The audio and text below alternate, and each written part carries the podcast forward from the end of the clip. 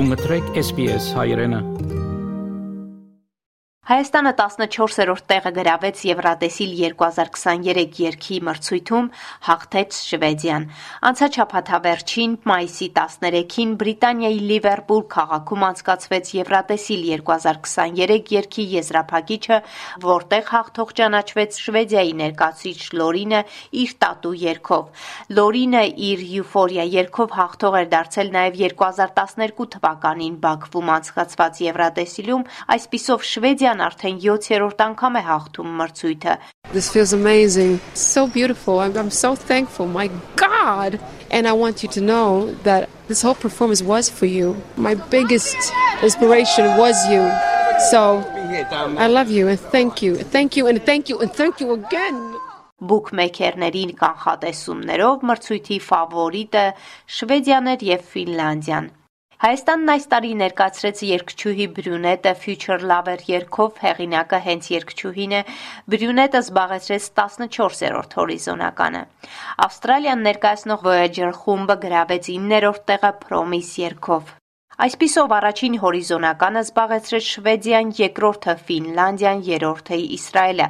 Հայաստանի ժյուրին իր ամենաբարձր 12 միավորը տվեց Իսրայելին, 10 միավորը Շվեդիային, բայց Հայաստանը որևէ երկրից չստացավ 12 միավոր, իսկ առավելագույն միավորը ստացավ Վրաստանից 10 միավոր։ Հայաստանը Եվրատեսիլ 2023-ին ներկայացնող Բրյունետը չհաղթեց, սակայն Եվրատեսիլյան մասնագետներն ասում են, որ նա փայլեց Եվրատեսիլի եզրափակիչ վերջում ինչպես է հանրային հերոստանգերությունն ընտրում Եվրատեսիլի մասնակցին, ով պետք է ներկայացնի ողջ երկիրը, լսենք Հայաստանի հանրային հերոստանգերության գործադիր տնօրեն Հովանես Մանուկյանին։ Ես կարծում եմ, որ այսօրվա հանրայինը հենց պետք է այս մրցույթը դիտարկի հնարավորության տեսանկյունից այսինքն դա հնարավորություն է մեր երիտասարդ արտիստներին մեծ բեմում հայտնվելու եւ Եվրատեսիլ մրցույթի իմաստը կարծում եմ դա է, որ ճիշտ արտիստի դեպքում, անկախ նրանից թե ինչքանով է նա հայտնի Հայաստանում կամ նոր արտիստ է, նա մեծ հաջողություն կարող է գրանցել, եթե տաղանդ ունի եւ առաջին հերթին տաղանդ եւ նոր արտիստ է մենք այդպես ենք հիմա ընտրում եւ կարծում եմ, որ Ռոզալինի օրինակը ցույց տվեց, որ դա հաջողության է բերում։ Հանրային հեռուստաընկերությունը ասում է, որ դեռևս չի գտել Եվրատեսիլում հաղթանակի բանալին, սակայն փորձը ցույց է տվել, որ անցած տարի 20-րդ տեղը գրաված Ռոզալինի երգը դարձել է համաշխարհային հիթ։ Եթե ես առաջ ունեի շատ շատ ազատ ժամանակ, եմ նոր վոկալ գրել, այսինքն առավոտից իրիկուն,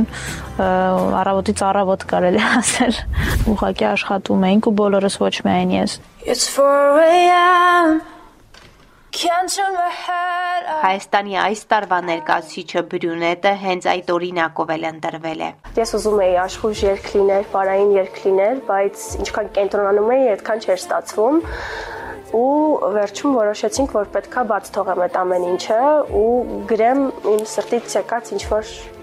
մի բան։ Ավստրալիան Եվրատեսիլ երկի մրցույթին առաջին անգամ մասնակցել է 2015 թվականին Եվրոպական հերարցակողների միության թույլտվությամբ։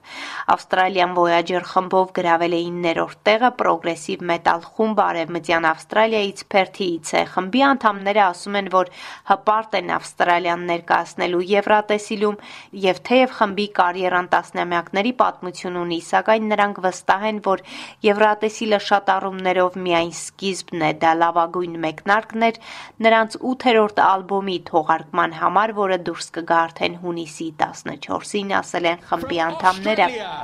It's Voyager!